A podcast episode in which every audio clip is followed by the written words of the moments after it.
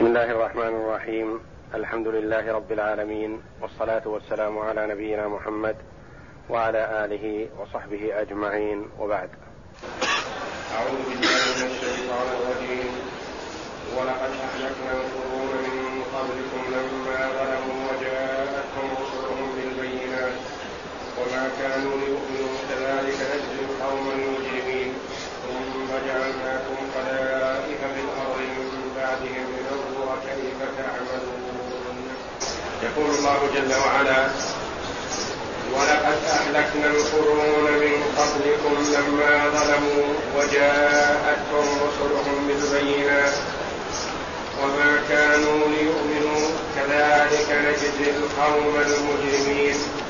ثم جعلناكم خلائف في الأرض من بعدهم لننظر كيف تعملون.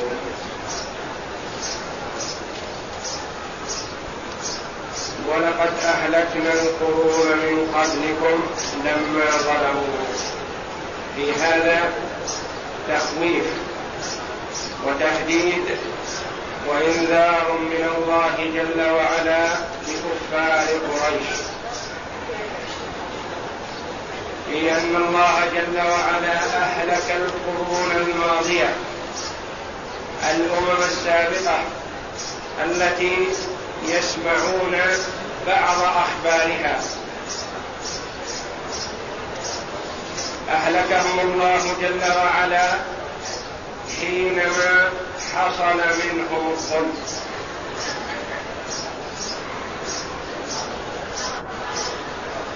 فإهلاك الله لهم بسبب ظلمهم وإعراضهم عن طاعة الله وطاعة أنبيائه ورسله. بهذا استحقت الأمم السابقة الهلاك. وأنتم يا معشر كفار قريش. إن أعرضتم عن طاعة نبيكم صلى الله عليه وسلم حل بكم ما حل بالأمم قبلكم. ولقد أهلكنا القرون من قبلكم. يعني الأمم السابقة القرون الماضية من نوح عليه الصلاة والسلام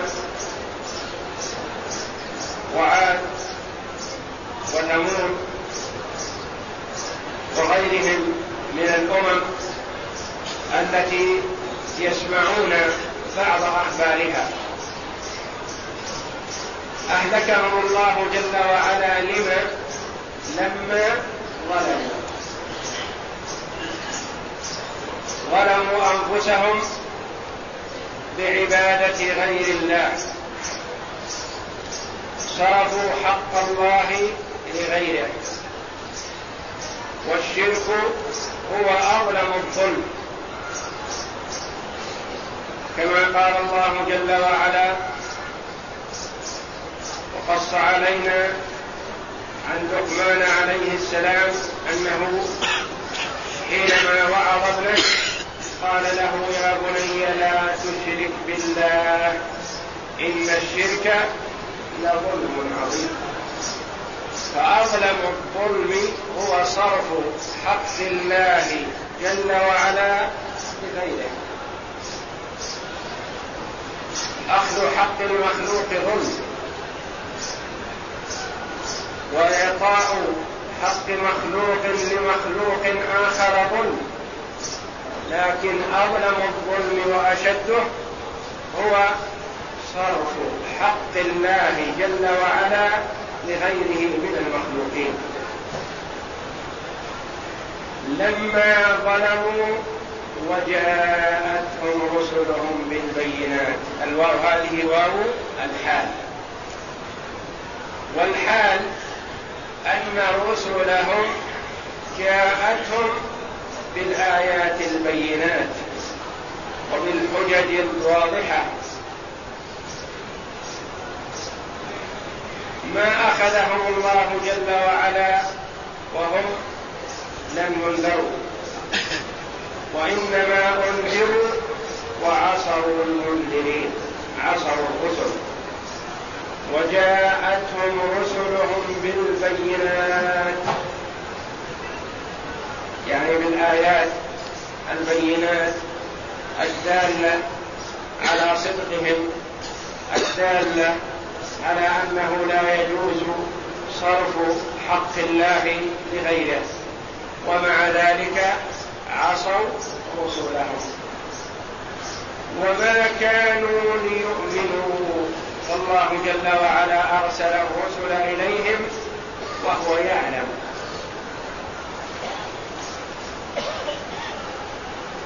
أن هؤلاء المهلكين لا يمكن أن يؤمنوا. لأنه يعلم ازلا جل وعلا من سيؤمن من عباده ومن لا سيؤمن قبل أن يخلق الخلق تعالى. وما كانوا ليؤمنوا ما آمنوا بأرسال الرسل والله جل وعلا يعلم ذلك ازلا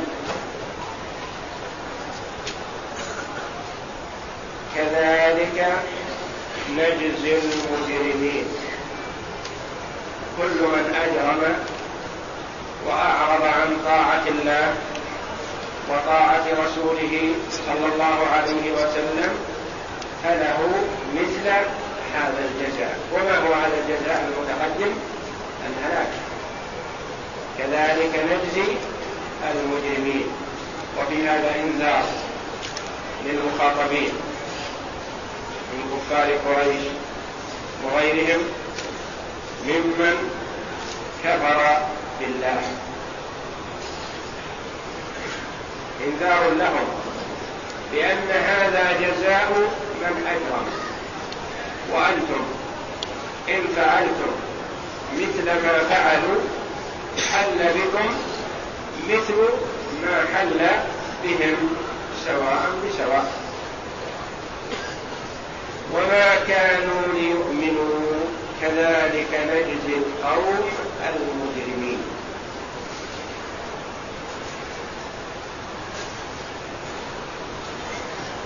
فهذا إنذار من الله جل وعلا للكفار بأنه سيحل بهم العقاب إن لم يؤمنوا ويبتعدوا عن مسلك القوم المجرمين. يقول جل وعلا ثم جعلناكم الخطاب لمن؟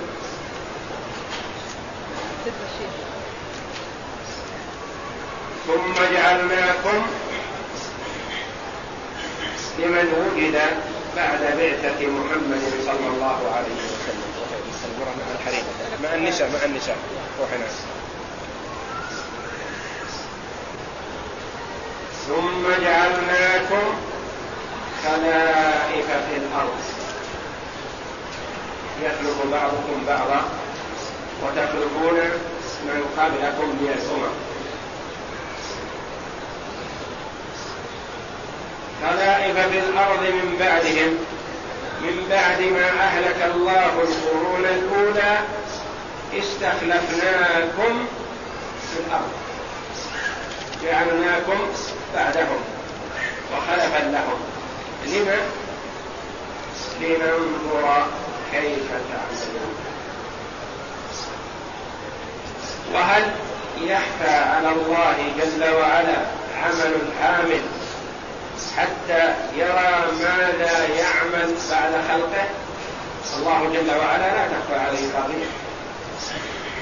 ويعلم ما الخلق عاملون قبل أن يخلقهم إذا ما المراد بهذا النظر؟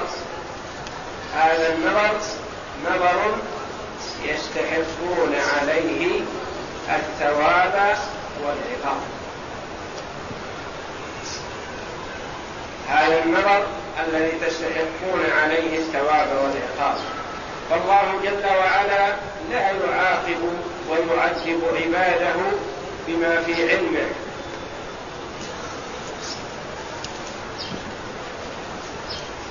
لا يعاقبهم ويعذبهم لأنه جل وعلا يعلم أنهم لا يؤمنون وإنما يخلقهم ويأمرهم وينهاهم فيظهر أثر علم الله الأزلي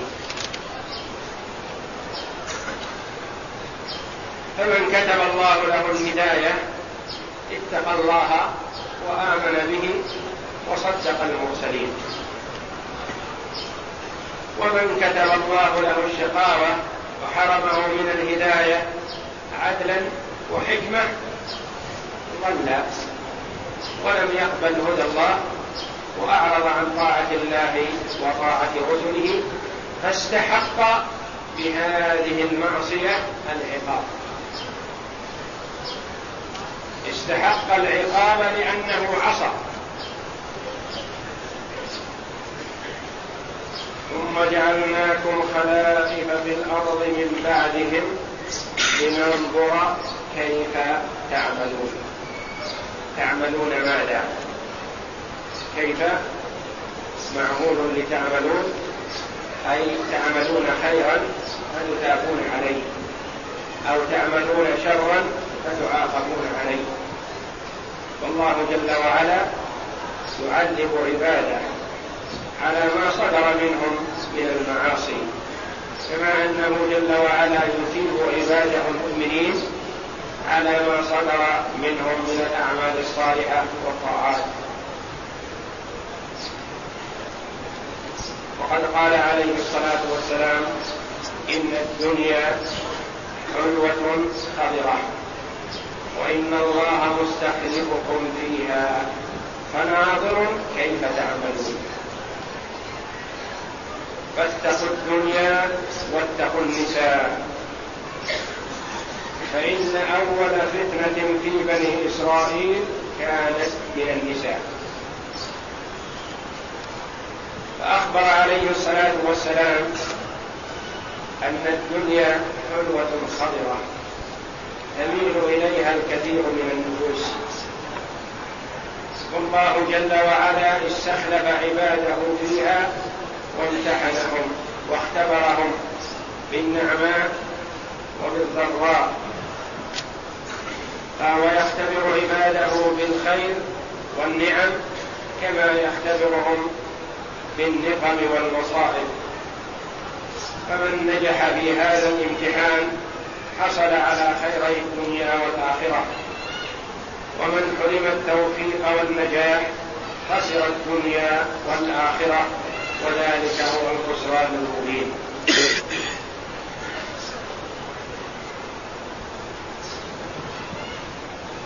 نرجع إلى ما تقدم. وقوله جل وعلا ولقد أهلكنا القرون الواو واللام وقد كلها موطئة للقسم ومشعرة بوجود القسم. فهي مؤكدة ومشعرة بوجود القسم. لأن الله جل وعلا يقول والله لقد أهلكنا القرون من قبلكم حينما ظلموا.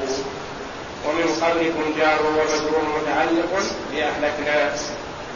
ولقد أهلكنا القرون من قبلكم والخطاب هنا لكفار قريش ففي ففي هذا الأسلوب التفات من الغيبة إلى المخاطبة زيادة في التحديد والوعيد لمن كفر بالله وكفر برسوله صلى الله عليه وسلم. تقدم قوله جل وعلا وإذا مس الإنسان الضر دعانا لجنبه أو قاعدا أو قائما.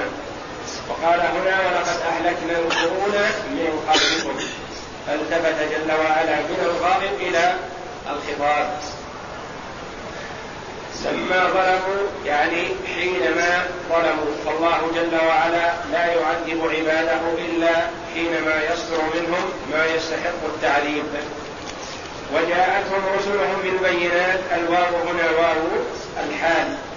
والحال أن الرسل جاءت إليهم بالحجج البينات وبالبينات صفة لموصوف محدود تقديره بالآيات البينات أو بالحجج البينات. وما كانوا ليؤمنوا مع مجيء الآيات ما كانوا ليؤمنوا لأن الله جل وعلا يعلم أزلا أنهم لا يؤمنون. كذلك نجزي القوم المجرمين. يعني مثل هذا الجزاء الذي هو الإهلاك لمن ظلم نجزي كل من اتصف بهذه الصفة الذميمة وهي صفة الإجرام.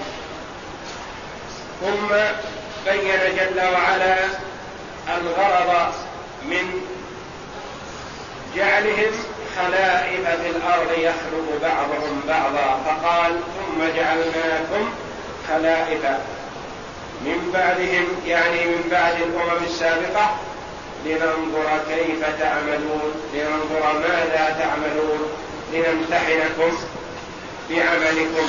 أتعملون خيرا فتثابون عليه أم تعملون شرا فتعاقبون عليه؟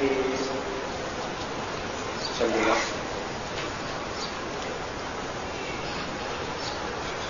أعوذ بالله من الشيطان الرجيم. ولقد أهلكنا القرون من قبلكم لما ظلموا وجاءتهم رسلهم بالبينات وما كانوا ليؤمنوا. كذلك نجزي القوم المجرمين. ثم جعلناكم خلائف في الأرض من بعدهم لننظر كيف تعملون.